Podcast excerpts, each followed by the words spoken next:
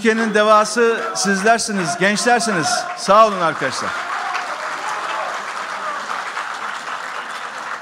Değerli yol arkadaşlarım, değerli Genel Merkez Kurulu üyelerimiz, değerli İstanbul İl Başkanımız, değerli Başakşehir İlçe Başkanımız, siyasi partilerin ve sivil toplum kuruluşlarımızın saygıdeğer temsilcileri, kıymetli muhtarlarımız, teşkilat mensuplarımız, sevgili Başakşehirli gönüldaşlarımız, değerli basın mensupları, ekranları başında ve sosyal medya hesaplarımızdan bizleri izleyen tüm vatandaşlarımız, hepinizi en içten duygularımla selamlıyor.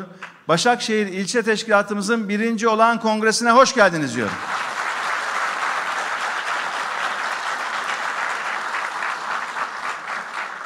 Değerli arkadaşlar, geçen hafta partimizin ilk mitingini Gaziantep'te gerçekleştirdik.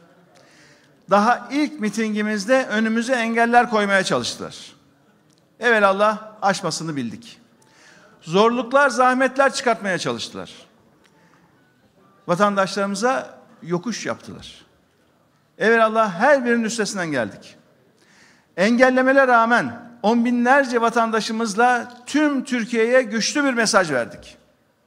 Arkadaşlar, Gaziantep mitingimizden önce yaşadıklarımız ülkemizin düştüğü hazin durumun bir tablosudur.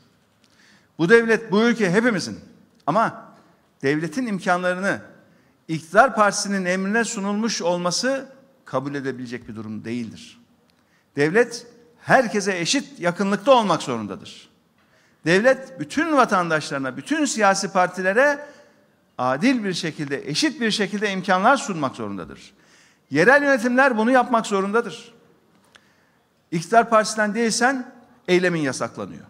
İktidar partisinden değilsen sosyal yardım alman engelleniyor. İktidar partisinden değilsen kamuda işe girmen hemen hemen imkansız. İktidar partisinden değilsen pankart asmana, reklam yapmana müsaade edilmiyor. İktidar partisinden değilsen mitingin engelleniyor. Bu adalet değil arkadaşlar, değil. Oysa bir devletin yegane varlık sebebi adalettir. İktidar partisi devletin bütün araçlarını bizleri engellemek için kullanıyor. Devletin bütün imkanlarını da kendi çıkarı yönünde kullanıyor, istifade ediyor. Ama bu millette olan biten her şeyi izliyor. İşte ne oldu Gaziantep'te? Ne oldu? Gaziantep'li kardeşlerimiz bu milletin gücünü bir kez daha gösterdi o meydanda. Bir kez daha.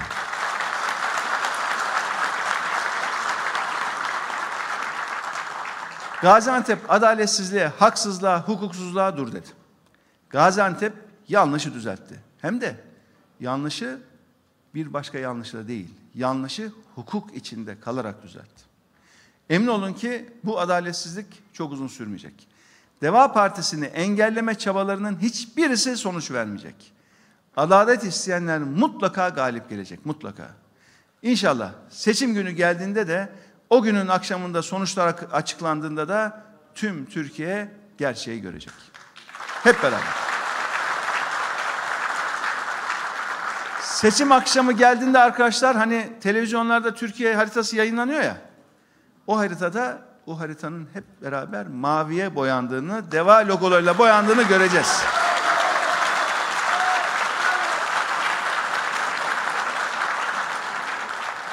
Değerli arkadaşlar bakın bugün Başakşehir'deyiz değil mi? Büyük bir ilçedeyiz. Bu ilçedeki toplantı salonlarını Nesrin Hanım ilçe başkanımız tek tek araştırmış bakmış. Belediyenin, Başakşehir Belediyesi'nin bundan daha büyük bir toplantı salonu varmış. Bizim İstanbul'daki kongresini yaptığımız ilk kadın ilçe başkanımız. Ve belediye yok demiş. Vermeyiz demiş. Daha sonra bu salonu bulmuşlar. Onun için bu kadar arkadaşımız şu anda ayakta bekliyor. Normalde Başakşehir'in hakkı çok daha büyük bir salon ve daha farklı bir mekanda kongre. Bulduğumuz bu salonda biz bu kongremizi gerçekleştiriyoruz. Ne yaparlarsa yapsın vazgeçmeyeceğiz. Vazgeçmeyeceğiz.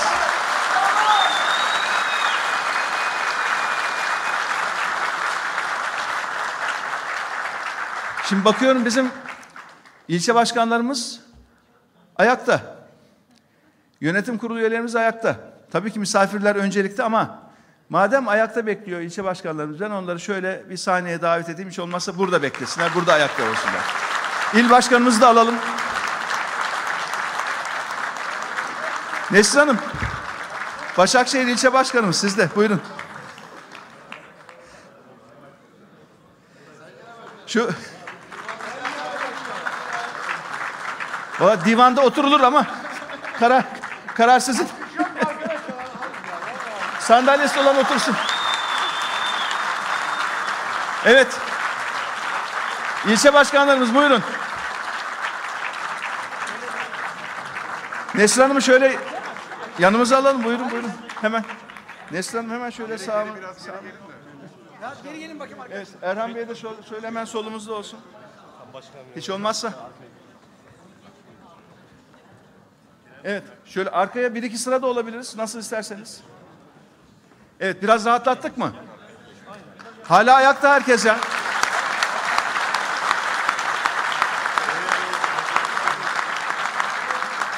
E şöyle il yönetim kurulu üyelerimizi alalım bari. İstanbul İl Yönetim Kurulu üyelerimiz. Nasıl onlar da ayaktalar? Burada olsunlar hiç olmazsa.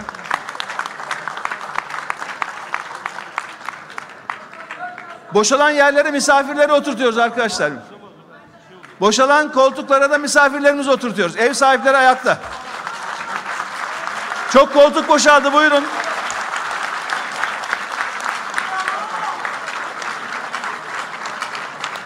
Evet koltuklar boş kalmasın. Misafirlerimize şöyle otursunlar koltukları.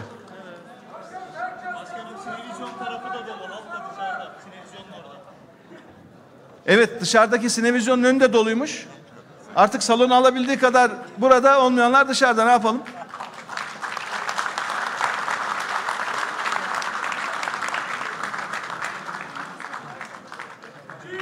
Evet.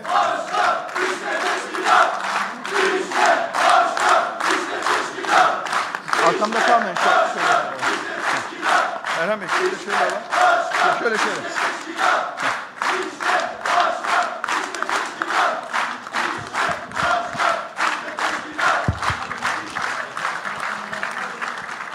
Zannediyorlar ki biz Deva Partisi'ne salon vermezsek onlar kongresini yapmayacak, yapamayacak. Rüyanızda görürsünüz, rüyanızda.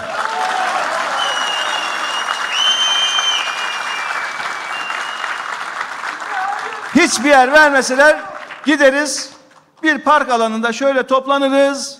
Binleri, on binleri toplarız, kongremizi yaparız evvela. Yaparız.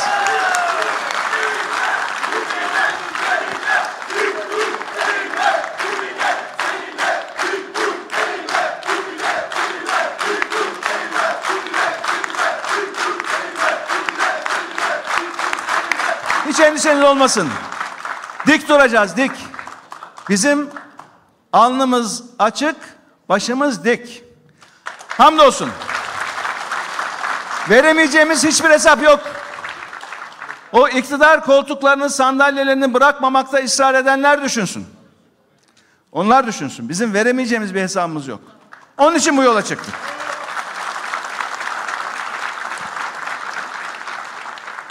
Değerli arkadaşlarım, seçimler yakın. Seçimler bu yılın Ekim'inde, Kasım'ında olsa da yakın. Gelecek yılın Nisan'ında, Mayıs'ında, Haziran'da olsa da yakın. Ama seçim yakın. Evet, seçimleri kazanmak önemli. Ve inşallah kazanacağız. Ama bizim derdimiz sadece seçimi kazanmak değil. Dünyada çok örnekleri var. Seçimi kazanıyorlar ama seçimden sonra çuvallıyorlar. Çünkü yeterince hazırlanmıyorlar. İşte biz hem seçime hazırlanıyoruz hem de seçimden sonrasına hazırlanıyoruz. Asıl işimiz seçimden sonra başlayacak. Direksiyona geçip Türkiye'yi hızla, zenginliğe, özgürlüğe, adalete hep beraber ulaştıracağız inşallah. Bunu hep beraber yapacağız.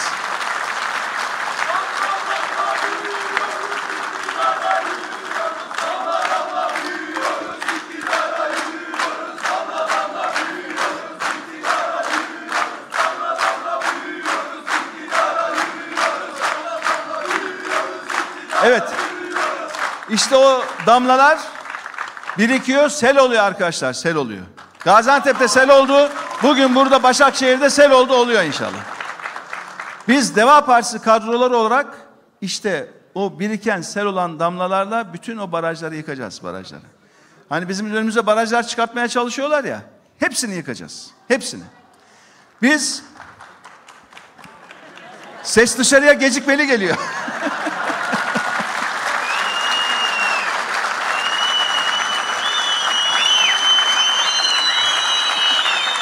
Şimdi görüntü görüntü uyduya çıkıyor, uydudan aşağı iniyor, ses geliyor oradan geçiyor.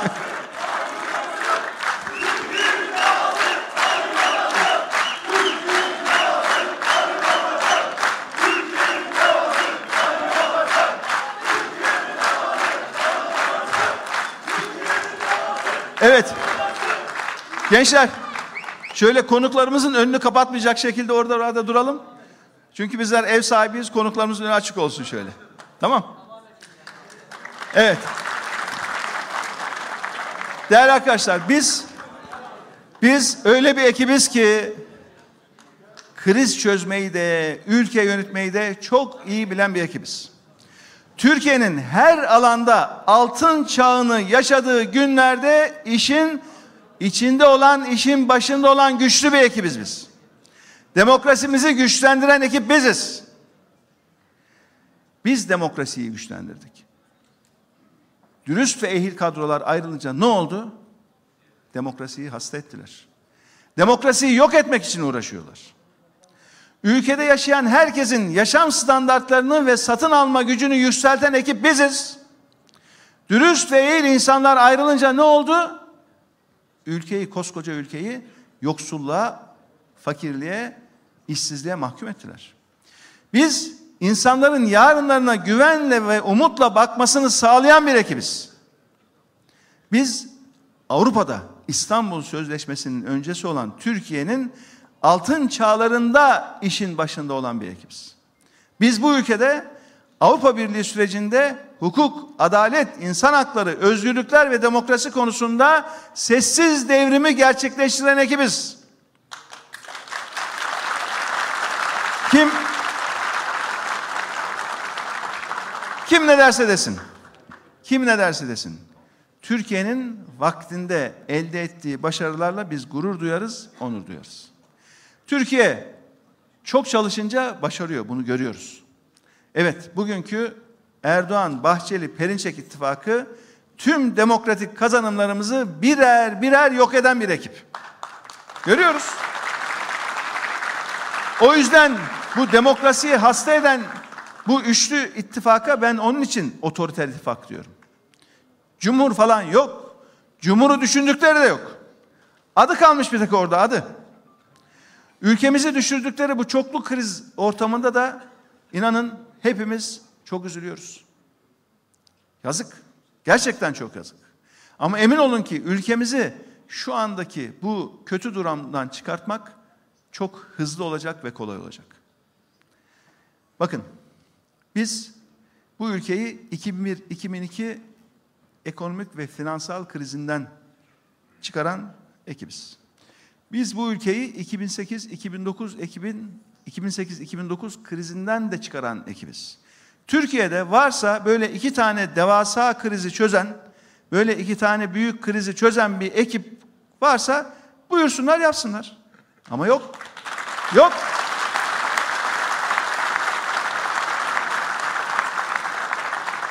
Konuşmak kolay. Laf üretmek kolay. Biz iş ürettik, iş. Aynesi iştir kişinin. Lafa bakılmaz. Aynı iş. Bizim ailemiz işimizdir. Tam da bu nedenle arkadaşlar seçimden sonraki ilk 90 günde ve ilk 160 günde yapacaklarımızı teker teker belirliyoruz. Bunun için de eylem planları açıklıyoruz. Bunu bizden başka yapan da yok. Her şeyle çalışıyoruz. Bütün detaylarıyla çalışıyoruz. Seçimlerden sonraki hükümetin ilk dakikalarından itibaren neler yapılması gerektiğini açık açık eylem planları olarak toplumuza taahhüt ediyoruz. Çünkü biz çözümün sözcüsüyüz çözümün. Çünkü biz iş üretiyoruz. Tekrar ediyorum.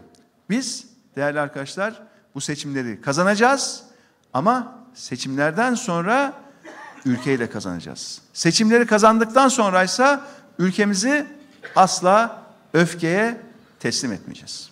Türkiye'nin sahipsiz olmadığını da dünya aleme göstereceğiz.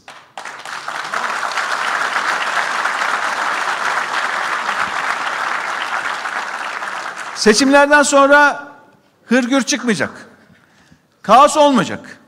Uğruna mücadele ettiğimiz ve kazandığımız tüm haklarımızı sonuna kadar koruyacağız. Kimse endişe etmesin bundan. Kazanılmış tüm haklarımızı evvela hukuki güvenceyle sarıp sarmalayacağız, koruyacağız. Kimse bu ülkede bir, de, bir daha aklına eseni yapamayacak. Yapamayacak.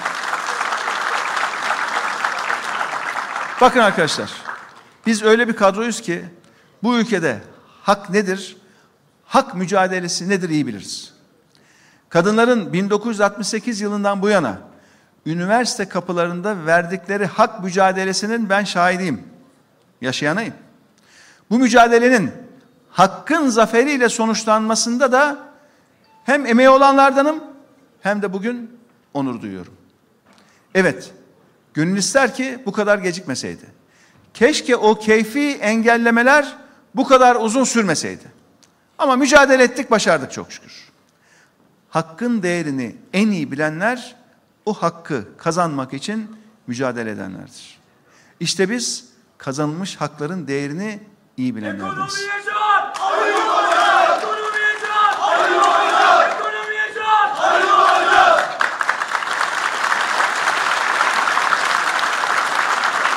Değerli arkadaşlar, hepimiz deva kadroları olarak bu ülkenin adaletine can olacağız. Bu, bu ülkenin demokrasisine can olacağız. Bu ülkenin ekonomisine de can olacağız. Kadrolar olarak bunu yapacağız inşallah. Bakın arkadaşlar, altını çizmek istediğim bir husus var.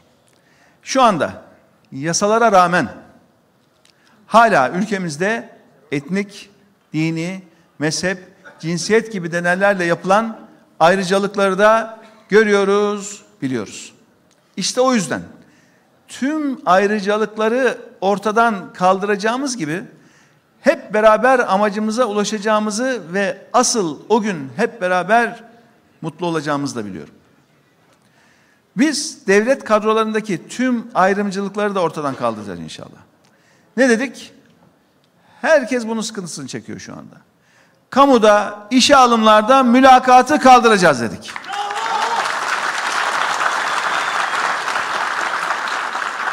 Ya genç arkadaşımız KPSS'den 80 alıyor.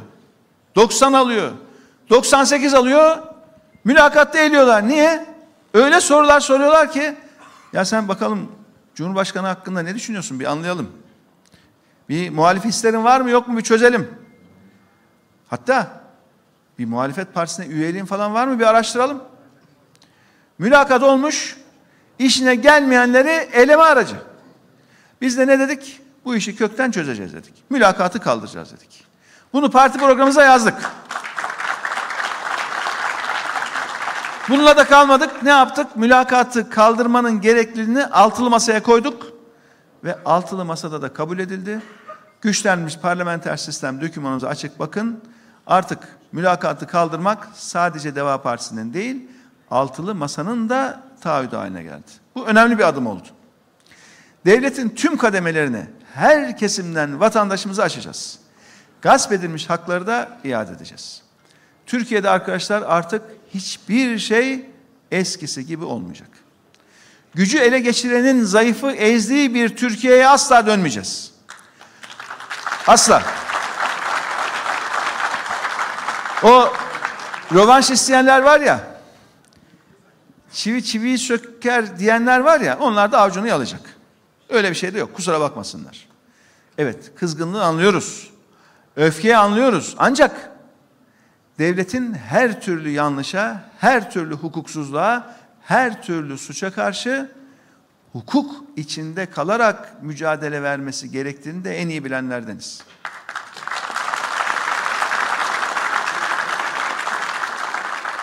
Biz onlarca yıldır devam eden bu nöbetleşe zorbalık devrini, üste çıkanın alttakini ezdiği bu devri de sona erdireceğiz. Ha bu dönemde su, suça karışanlar var mı? Var. Hukuka aykırı davrananlar var mı? Var. Ama bunların tamamı bağımsız, ve tarafsız yargının önüne gidecekler, hesaplarını verecekler. Ama bu yine hukuk ve adalet içinde olacak. Türkiye'yi asla öfkeye teslim etmeyeceğiz. Çünkü biz çok iyi biliyoruz ki kutuplaşmadan, bağırış çağrıştan kimseye hayır gelmez. Biz işte bu kavgaya, bu kutuplaşmaya deva kadrolu olarak son vereceğiz. Türkiye'nin tüm prangalarını sökeceğiz. 21. yüzyılın dünyasına yakışmayan, her seferinde patinaj yaptıran kavgaları da tarihin çöplüğüne atacağız. Kürt meselesinin de, Alevi meselesini de çözüp inşallah önümüze bakacağız.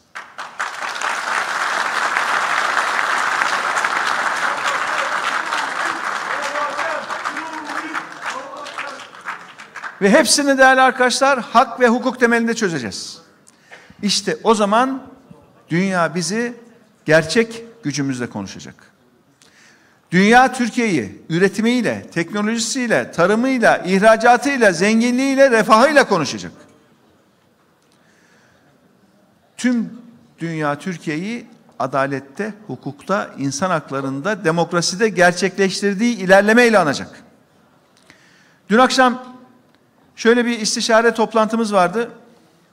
Toplantıya katılanlardan birisi 2011 yılına ait Almanya'da en çok satan dergilerden bir tanesini gösterdi bana. Saklamış. Derginin kapağında diyor ki Türkiye turbo ülke diyor. Turbo ülke. Yani son vitesi atmış, takmış, hızla kalkınan, yükselen ülke diyor. Bunu gerçekleştirdik ya. Ve inanın zor değil. Yeter ki devleti yöneten kadrolar bu ülke aşkıyla çalışsınlar. Devleti yöneten kadrolar bu milletin tümünün çıkarı için çalışsınlar. Kendi çıkarları için değil. Biz bunu gerçekleştirdik. Ülke olarak başardık. Daha iyisini inşallah hep beraber başar başaracağız. Bir noktaya değerli arkadaşlar dikkatinizi çekmek istiyorum. Bu iktidar özellikle son dönemde yaşam tarzı üzerinden ülkede gerginlik çıkarmak için olağanüstü bir çaba göstermeye başladı. Yine ne yapıyorlar? Kutuplaştırma. Ne yapıyorlar? Vatandaşı birbirine karşı düşürme. Ülke normalleşmesin diye, ülkedeki kutuplaşma sona ermesin diye ellerinden geleni yapıyorlar. Konserleri yasak, yasaklıyorlar. Hatta önce onay verip konserlere sonra iptal ettiriyorlar. Gençlerin, üniversitelerin bahar şenliklerini, festivallerini engelliyorlar sadece kendilerinin propaganda aracı haline gelmiş TRT'nin vergisini yükseltiyorlar. Bazı ürünlerin vergilerini astronomik şekilde artırıyorlar. Vergi değil adeta ceza ceza. Olacak şey mi ya? Bakın.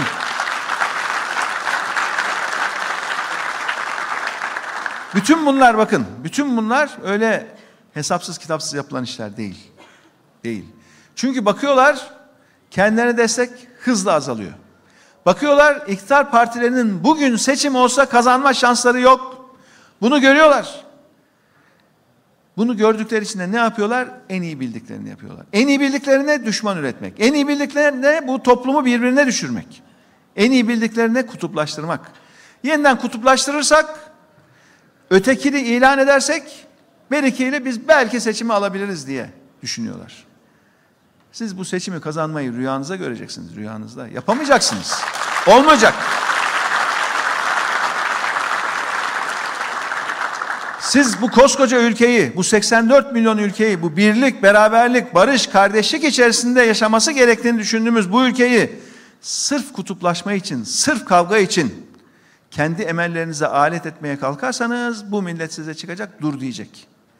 Ama işte biz Bunlara izin vermeyeceğiz. Bu gerçekleri yüzlerine çarpacağız. Bu oyunlarını bozacağız. Bu oyunlarını bu gidip millete anlatacağız. Bu ülkede insanları yaşam tarzına göre, dinledikleri müziğe göre, konuştukları dile göre ayırmaya çalışan herkesle bütün gücümüzle mücadele edeceğiz. Gerilime müsaade etmeyeceğiz gerilime. Bakın arkadaşlar, bu Erdoğan Bahçeli Perinçek ittifakı var ya. Bunlar iki şeyi çok iyi biliyor. Birincisi kutuplaştırma ki onu az evvel söyledim. İkincisi de bunlar kriz çıkartma ustası. Gerçekten şapka çıkartmak lazım. Durduk yere kriz çıkartmakta çok marifetliler. Üçü kafa kafaya verdi. Başımıza her türlü krizi açtılar açıyorlar. Adalet ülkede krizde mi? Krizde. Ekonomi krizde mi? Krizde. Dış politika krizde. Eğitim krizde. Tarım krizde. Sağlık krizde. Bir sağlık kalmıştı aşağı yukarı şöyle hani elle tutulur. Baktık artık o da krizde. Ya hepimizin gözü önünde sağlık sistemi çöküyor. Alınamayan randevuların, konulamayan teşhislerin, yapılamayan ameliyatların, bulunamayan araç gereçlerin, bulunamayan ilaçların, göç eden hekimlerin, temizlenmeyen hastane tuvaletlerinin ülkesi olduk tekrar. Bunu Türkiye yaşamıştı önce ya. Ne diyor? Ben imza atmasaydım olur muydu diyor değil mi? İşte gelsin şu hastanelerdeki sorunu çözsün. Eğer marifet imzadaysa, o tek imzadaysa, elini tutan mı var? At bir imzada şu sağlık sistemini düzelt bakalım.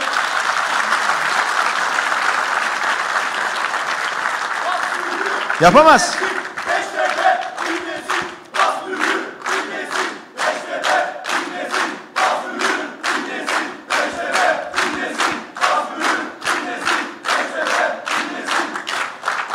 Seçim günü geldiğinde arkadaşlar hiç merak etmeyin. O Deva Partisi'nin logosunun damlasının altına vatandaşlarımız o evet mührünü, tercih mührünü öyle bir basacak ki Beştepe'nin duvarları titreyecek. Hiç merak etmeyin.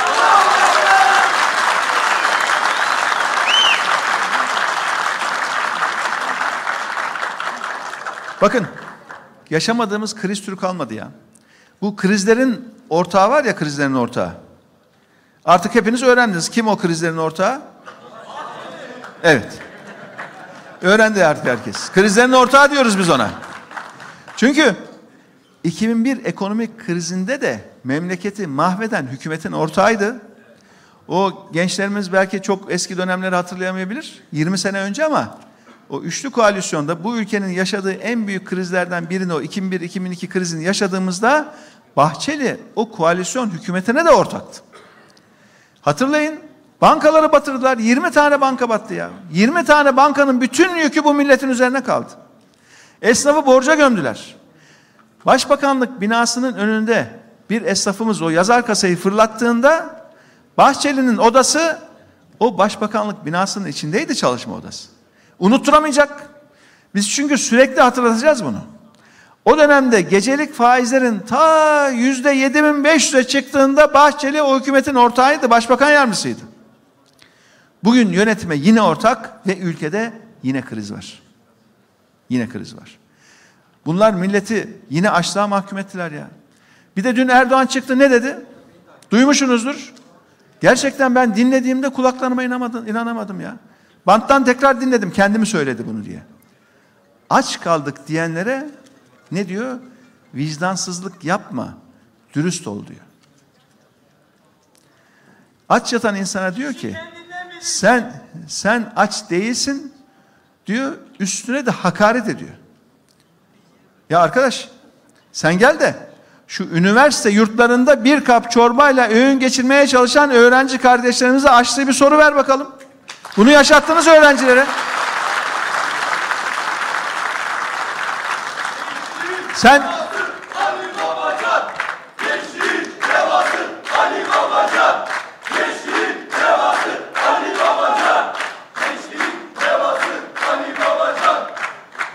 Hep beraber kadro olarak memleketimize deva olacağız arkadaşlar. Hep beraber yapacağız. Şimdi ne diyor? Açlık yok diyor ülkede değil mi? Ya arkadaş sen gel de şu ayda 2500 lira maaşla geçinmeye çalışan ekmek kuyruklarında bekleyen emeklerimize bir sor bakalım açlık var mı yok mu diye. Beştepe'de oturduğun yerden ahkam kesmek kolay. Sen gel işsiz kalan, borcu borçla kapatmaya çalışan vatandaşlarımıza bir açlığı sor bakalım. Arkadaşlar, bu ülkenin şu andaki Cumhurbaşkanı artık halkın halini görmüyor, duymuyor, bilmiyor, anlamıyor. Memleketin sorunlarını da sürekli artırıyor. İşte ben Erdoğan'ın bu sözlerinde vatandaşlarımızın vicdanına havale ediyorum.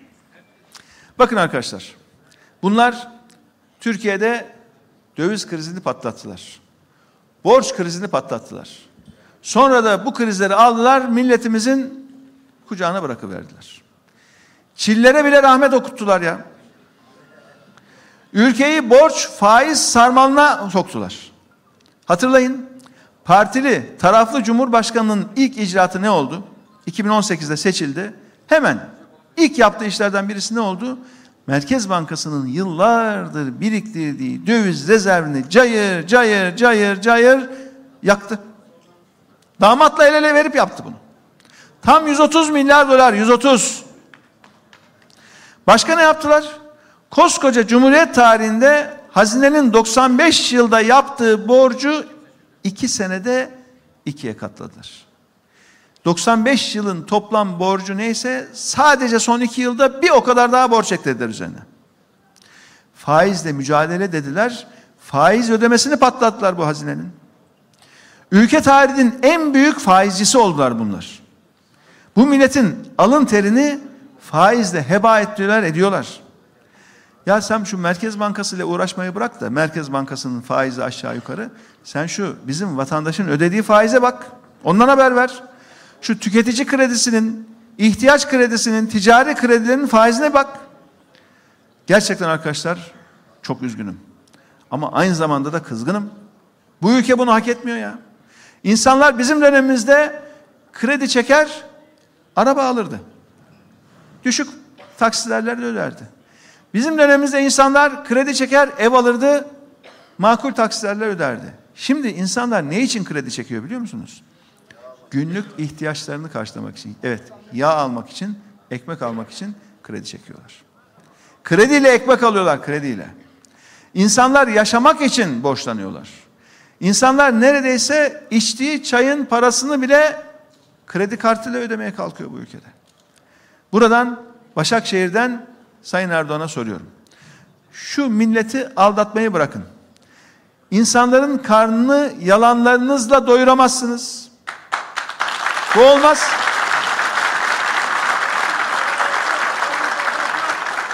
Neymiş? Yüksek faizle mücadele ediyormuş. Ekonomiyi borç batağına, faiz sarmalına siz soktunuz ya. Ne demişti hatırlayalım arkadaşlar. Hatırlayalım. Yüksek faiz vatana ihanettir demişti değil mi? Şimdi şöyle bir rakamlar ortaya koyalım. 2015 yılında benim görevden ayrıldığım günlerde hazinenin faizi yüzde sekizdi. Hazinenin borçlanma faizi. Bugün kaç? Yüzde yirmi sekiz.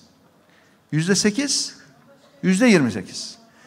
Şimdi şöyle niye yüzde yirmi sekiz? Niye bu kadar yüksek? Açıklayın da bu millet öğrensin ya. Açıklayın hele de millet öğrensin. Bizim dönemimizde bütçeden faiz ödemesi her yıl 50 milyarda 50 milyar. Şu anda ne kadar? Bütçeye koydukları faiz ödeneği 240 milyar. Bakın tarıma ayrılan bütçe 29 milyar. Sadece faize ayrılan bütçe 240 milyar.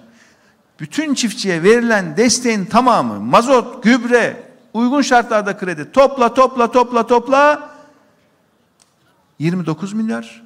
Sadece faiz için bu yıl ayrılan ödenek 240 milyar. Ben şimdi buradan kendisine soruyorum. Yüzde sekiz hazine faizi. Hazine faizi yüzde sekizken söylediği o kelime vatana ihanet. Eğer yüzde sekiz faiz vatana ihanetse yüzde yirmi sekiz faize ne diyeceğiz? Kendi adını koysun. Kendi tanımlasın bunu.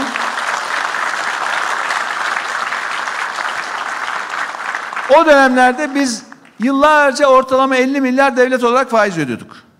Bugün 240 milyar. Ben yine buradan kendisine soruyorum. Eğer 50 milyar faiz ödemek vatana ihanetse 240 milyar faiz ödemek nedir? Kendi adını koysun diyorum. Kendi söylesin. Tüm bunlar arkadaşlar, tüm bunlar, bütün bu faizler var ya sizden, bizden, hepimizden toplanan vergiyle ödeniyor. Milletin parasının faize gömülmesini ben kabul etmiyorum, edemiyorum. Çünkü arkadaşlar bu faiz var ya faiz. Öyle bir kişinin talimatıyla düşmez. Bir kişinin imza atı vermesiyle de düşmez. Faiz ancak ve ancak güvenle düşer, güvenle. Siz güveni oluşturmadan faizi düşüremezsiniz.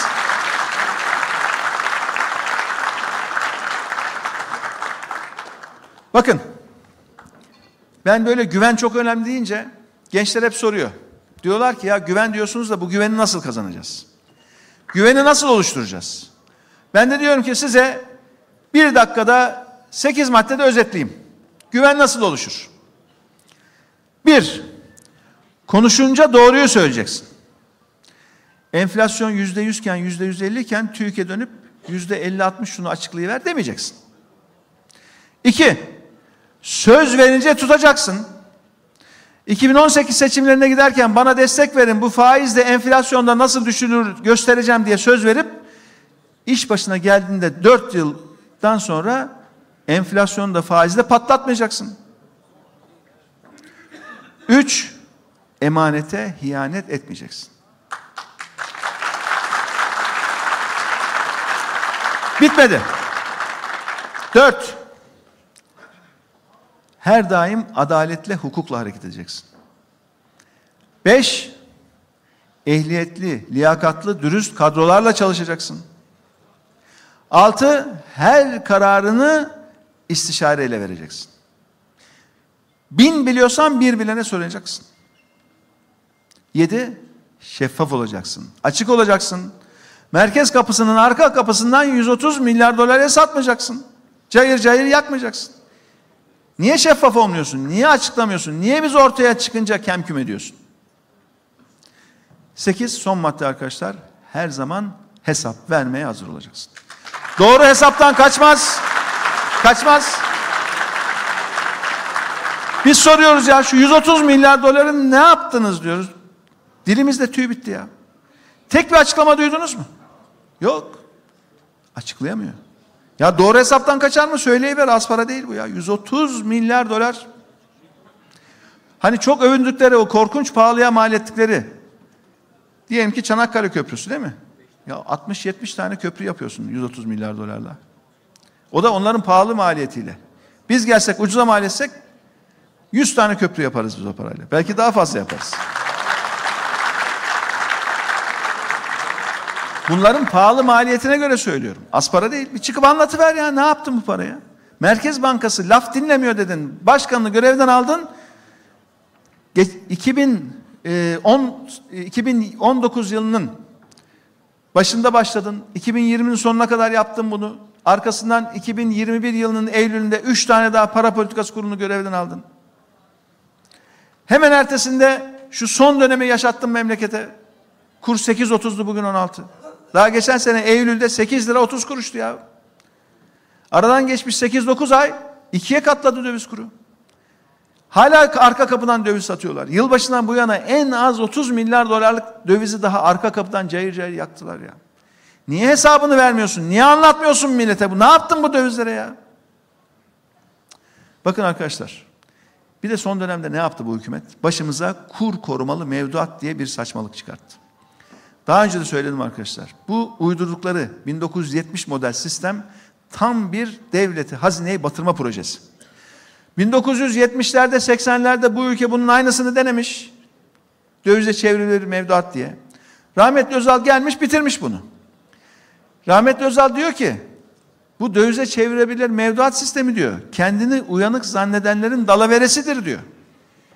Gençler sakın böyle bir şey yapmayın bu ülkede diyor. Enflasyon yıllarca bu ülkede çok yüksek seyrettiyse bunun sebebi bu hesaplardır, bu mevduat hesaplarıdır diyor.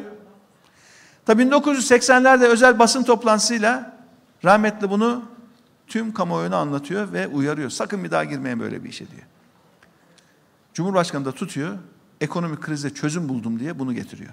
Neymiş? Mevduat sahipleri mağdur olmasınmış. Kur artınca Türk lirası mevduat sahipleri mağdur oluyormuş. Ya kusura bakma da kur artınca mazotu 6-7 lira yerine 22-23 lira ya alan çiftçimiz mağdur olmuyor mu? Kur artınca kur artınca en basit bilgisayara 8 bin lira, 10 bin lira, 15 bin lira veren bizim öğrencimiz mağdur olmuyor mu? Onların da mağduriyetini giderir. Kur artınca elektriğe üç misli bedel ödemek zorunda kalan esnafımız mağdur olmuyor mu? Onun da mağduriyetine yardımcı oluver. Yok. Çünkü etrafında hep paralı insanlar var artık. Parası çok olan insanlar parasına nasıl daha çok para katar hep onun hesabını yapıyorlar inanın ya. Doğmamış çocuklarımızın, torunlarımızın bile borcu artıyor şu anda. Koskoca milleti resmen faizle de yaptılar. Bir yandan da arka kapıdan sürekli sattıkları döviz hala çöpe, çöpe gidiyor, boşa gidiyor. Çünkü döviz satmak, arka kapıdan cayır cayır eldeki döviz rezervini yakmak dolar kurunu düşürmüyor, düşüremiyor. Çünkü sen her yerde yanlış yapıyorsun. Yaptığın yanlışların üzerini sattığın dövizle kapatamıyorsun. 16 lirayı aştı ya. Sattıkları da bu milletin birikimi. Ben şimdi buradan Başakşehir'den Ankara Beştepe'ye sesleniyorum. Sayın Erdoğan, sizinle iyi kötü bir hukukumuz oldu. Benden size eski bir dost, dost tavsiyesidir. Sakın bundan sonra faizle mücadele ettiğinizi, edeceğinizi falan söylemeyin. Söylemeyin. Başınız yere eğilir, başınız öne düşer. Çünkü rakamlar ortada. Yüzde sekizlik hazine faizini almışsınız, yüzde yirmi sekize çıkartmışsınız. 50 milyarlık hazine faiz ödemesini almışsınız, 240 milyara çıkartmışsınız. Bu nasıl mücadeleyse? Milletin parasını neden faize gömdüğünüzü size sorarlar ve önünüze bakmak zorunda kalırsınız. Cevap veremezsiniz, zaten veremiyorsunuz. Aldatmayın, aldatan olmayın. Bakın arkadaşlar, bir de son dönemde ne yaptılar? Ya inanın hiçbir şey bilmiyorlar ya. Yani şuradan Başakşehir'den üç tane emlak komisyoncusunu çağırsalar, dinleseler bu hataları yapmayacaklar. Ne dediler? Konut almak isteyenlere teşvik kredi diye bir şey çıkarttılar. Anında hem konut fiyatları arttı hem kiralar arttı bütün ülkede ya. Bu kadar hesapsızlık kitapsızlık olur mu? Ucuz kredi veriyor, konutun kendisinin fiyatı patlıyor. İstanbul'da bir dairenin ortalama kirası Türkiye'deki ortalama bir maaşı geçti. Ya şurada gerçekten bir bakkal çırağı var ya bakkal çırağı. Bunların yaptığı hata yapmaz. Bakıyoruz kiralık ev arayanlar için fiyatlar fahiş. Gerçekten Allah yardımcısı olsun bu millet. Bunlar inanın şöyle bir bakkalın yanında iki ay çıraklık yapsalar bu hataları yapmayacaklar. Ama bilmiyorlar. Çünkü bunlar kendi bilmediklerinin farkında değil, bilenlerle de çalışmıyorlar. Beştepe'den bakınca yanlışlarının sonuçlarını da görmüyorlar. Bu memlekette insanca yaşamak lüks haline geldi ya. Şuna bakın. Gerçekten ben bu gerilemeyi kabul edemiyorum. Çünkü bu ülke, bu millet bunu hak etmiyor. İnsanca yaşamak lüks değildir. Üç kuruş para biriktirip bir hafta tatil yapmak lüks olamaz. Bir karpuzu bütün almak, dilim yerine bütün almak lüks olamaz. İnsanların buzluğa et değil de ekmek koyması kader değil arkadaşlar.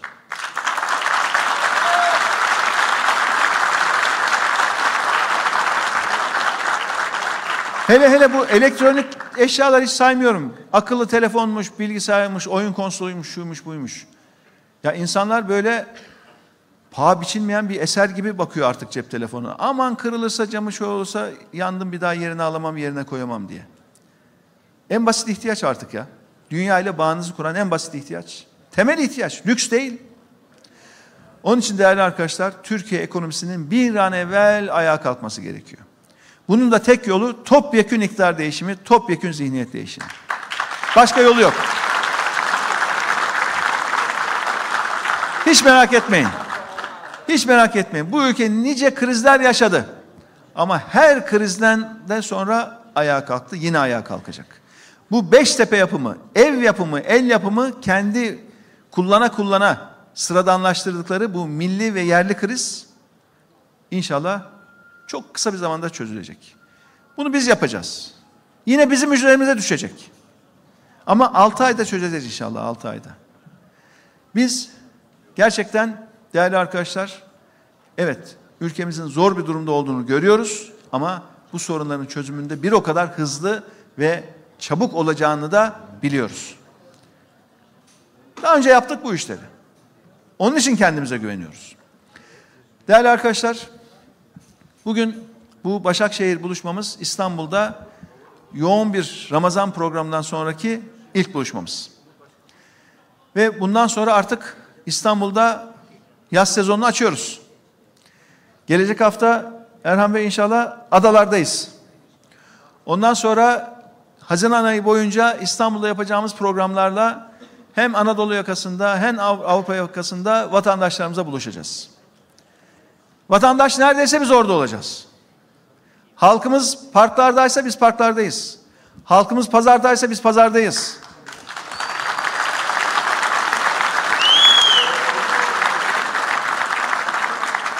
Halkımız akşamüstü evindeyse kapı taraması yapıyoruz. Kapı çalıyoruz. Broşürümüzü ve mektubumuzu veriyoruz. Halk neredeyse biz oradayız bundan sonra. Çok planlı programlı çalışmak zorundayız. Her ilçemizin değerli arkadaşlar, her bir mensubu için haftalık programlar yapmamız gerekiyor. Önümüzdeki her an 3-4 haftanın programını sürekli yapa yapa gitmemiz gerekiyor. Programlı çalışırsak vaktimizi iyi kullanmış oluruz. Ha bugün aklımıza ne geldi? Hadi şuraya gidelim yok. Plan yapacağız, program yapacağız. Her bir ilçemiz her haftanın her günü için planlarını yapacak. Şöyle duvarlara asacak. İleri doğru 3-4 hafta boyunca hangi ilçe teşkilatımızda, hangi teşkilat mensubumuzun ne yapacağının programı belli olacak. Boş tek bir gün bile geçirmememiz gerekiyor. Tek bir gün. Artık seçimler yakın. Gerçekten çok yakın. Ve değerli arkadaşlar, bu seçimlere çok iyi hazırlanmamız gerekiyor. Bilmeyenlere kendimizi bildirmemiz gerekiyor. Duymayanlara duyurmamız gerekiyor. Duyanların, bilenlerin de bizi desteklemesini talep etmemiz gerekiyor. Çok çalışmamız gerekiyor. Bu hükümet gidiyor. O belli. Müsait bir yerde inecekler. Ama bizim iyi hazırlanmamız lazım. Nasıl olsa bu hükümet gidiyor diye bu iş yuvarlanıp bize gelecek. O kadar da kolay değil bu iş. Çalışmamız lazım. Çok daha iyisini yapacağımızı vatandaşlarımıza anlatmamız ve ikna etmemiz lazım. Bakın bu noktada önemli bir konuya daha işaret etmek istiyorum. Bugünkü hükümetin evet yasal meşruiyeti seçime kadar devam edecektir. Ancak bu hükümet her geçen gün siyasi meşruiyetinin azaldığı bir döneme girmiştir. Bugün seçim olsa artık seçilemeyeceği az çok belli olan bir cumhurbaşkanının bugün seçim olsa tekrar iş başına gelemeyecek bir hükümetin bundan sonraki dönemde ülkeyi nasıl yöneteceğinin de çok dikkatli bir şekilde masaya yatırılması lazım. Yasal meşruiyet ayrıdır, siyasi meşruiyet ayrıdır. Siyasi meşruiyet bu milleti temsil etmek demektir. Bu milletin kair ekseriyetini temsil eden güçte bir hükümet olabilmektir. Şu anda bu hükümetin milletin çoğunluğunu, kair ekseriyetini temsil etme özelliği yoktur. Tam da bunun içindir ki. Özellikle dış güvenlik meselelerinde. Bu ülkenin yarınlarıyla ilgili alınacak kararlarda, kritik, stratejik, önemli kararlarda mutlaka ve mutlaka diğer siyasi partilerle istişare içinde olmak zorundalar artık. Kardeşim yetki bende, mühür bende, kafama geleni yaparım. Aklıma geleni yaparım. Kimse bana karışamaz. Yok öyle ya ama. Öyle bir şey yok. Siz ne yapacağınızı artık seçime kadar daha çok anlatmak zorundasınız. Hele hele sınır ötesi operasyon gibi çok önemli, çok stratejik konularda siyasi partileri bilgilendirmek, bunun gerekçesini, meşruiyetini anlatmak zorundasınız. Yok eğer sadece ve sadece ülkede krizler çoğaldı, ekonomik krizde berbat, dolar 16 liraya geçmiş, daha da artabilir. Bu milletin dikkatini başka bir yere çekeyim. Bu ekonomik krizin üzerini başka daha büyük bir krizle örtüyüm diyorsanız bunun vebalinden kurtulamazsınız. Olmaz.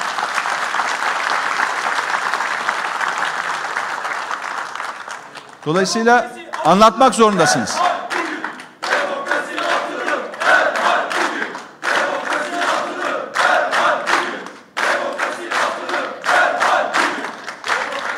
Evet.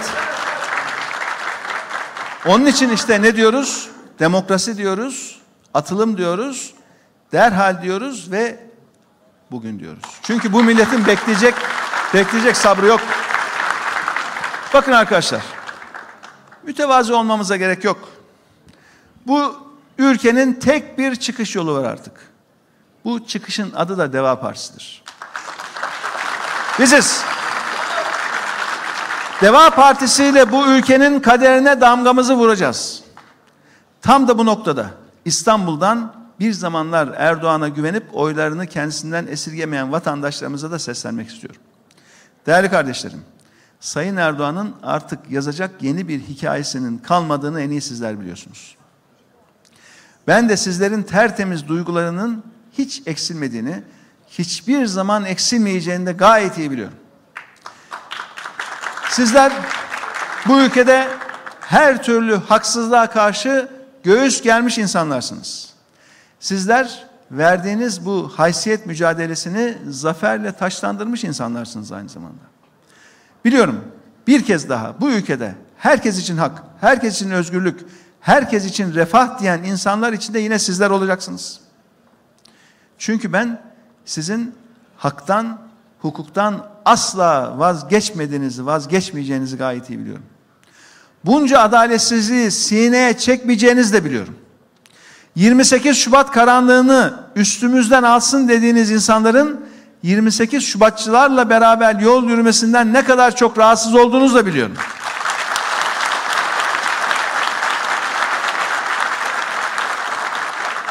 Sizlerin yoksullaşmaya layık olmadığınızı da biliyorum. Değerli kardeşlerim, bu çaresizliğe mahkum değilsiniz. Gelin hakkı, adaleti, huzuru herkes için hep birlikte isteyelim. Gelin yepyeni bir birlikteliğe hep beraber umut olalım. En kısa zamanda bu iktidarın irili, ufaklı ortaklarıyla zaten vedalaşacağız. Sokakta herkes seçimi bekliyor, herkes bir değişim artık olsun istiyor. Deva Partisi kazanan tarafta olacaktır. Gelin Deva Partisi ile beraber hep beraber kazanalım. Hiçbir zaman biz oldum demeyeceğiz. Dinleyerek, öğrenerek ve genişleyerek yolumuza devam edeceğiz. Ve ben bugün buradan tekrar ilan ediyorum. Başakşehir Deva Partisi diyecek. Tüm Türkiye Deva Partisi diyecek. Çünkü biz ne diyoruz?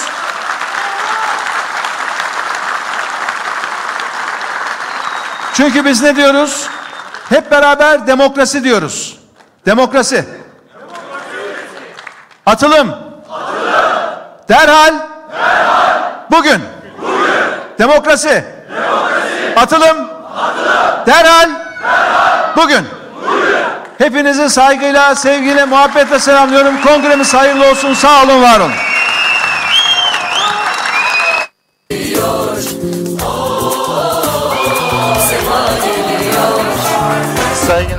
DEVA Demokrasi ve Atılım Partisi. DEVA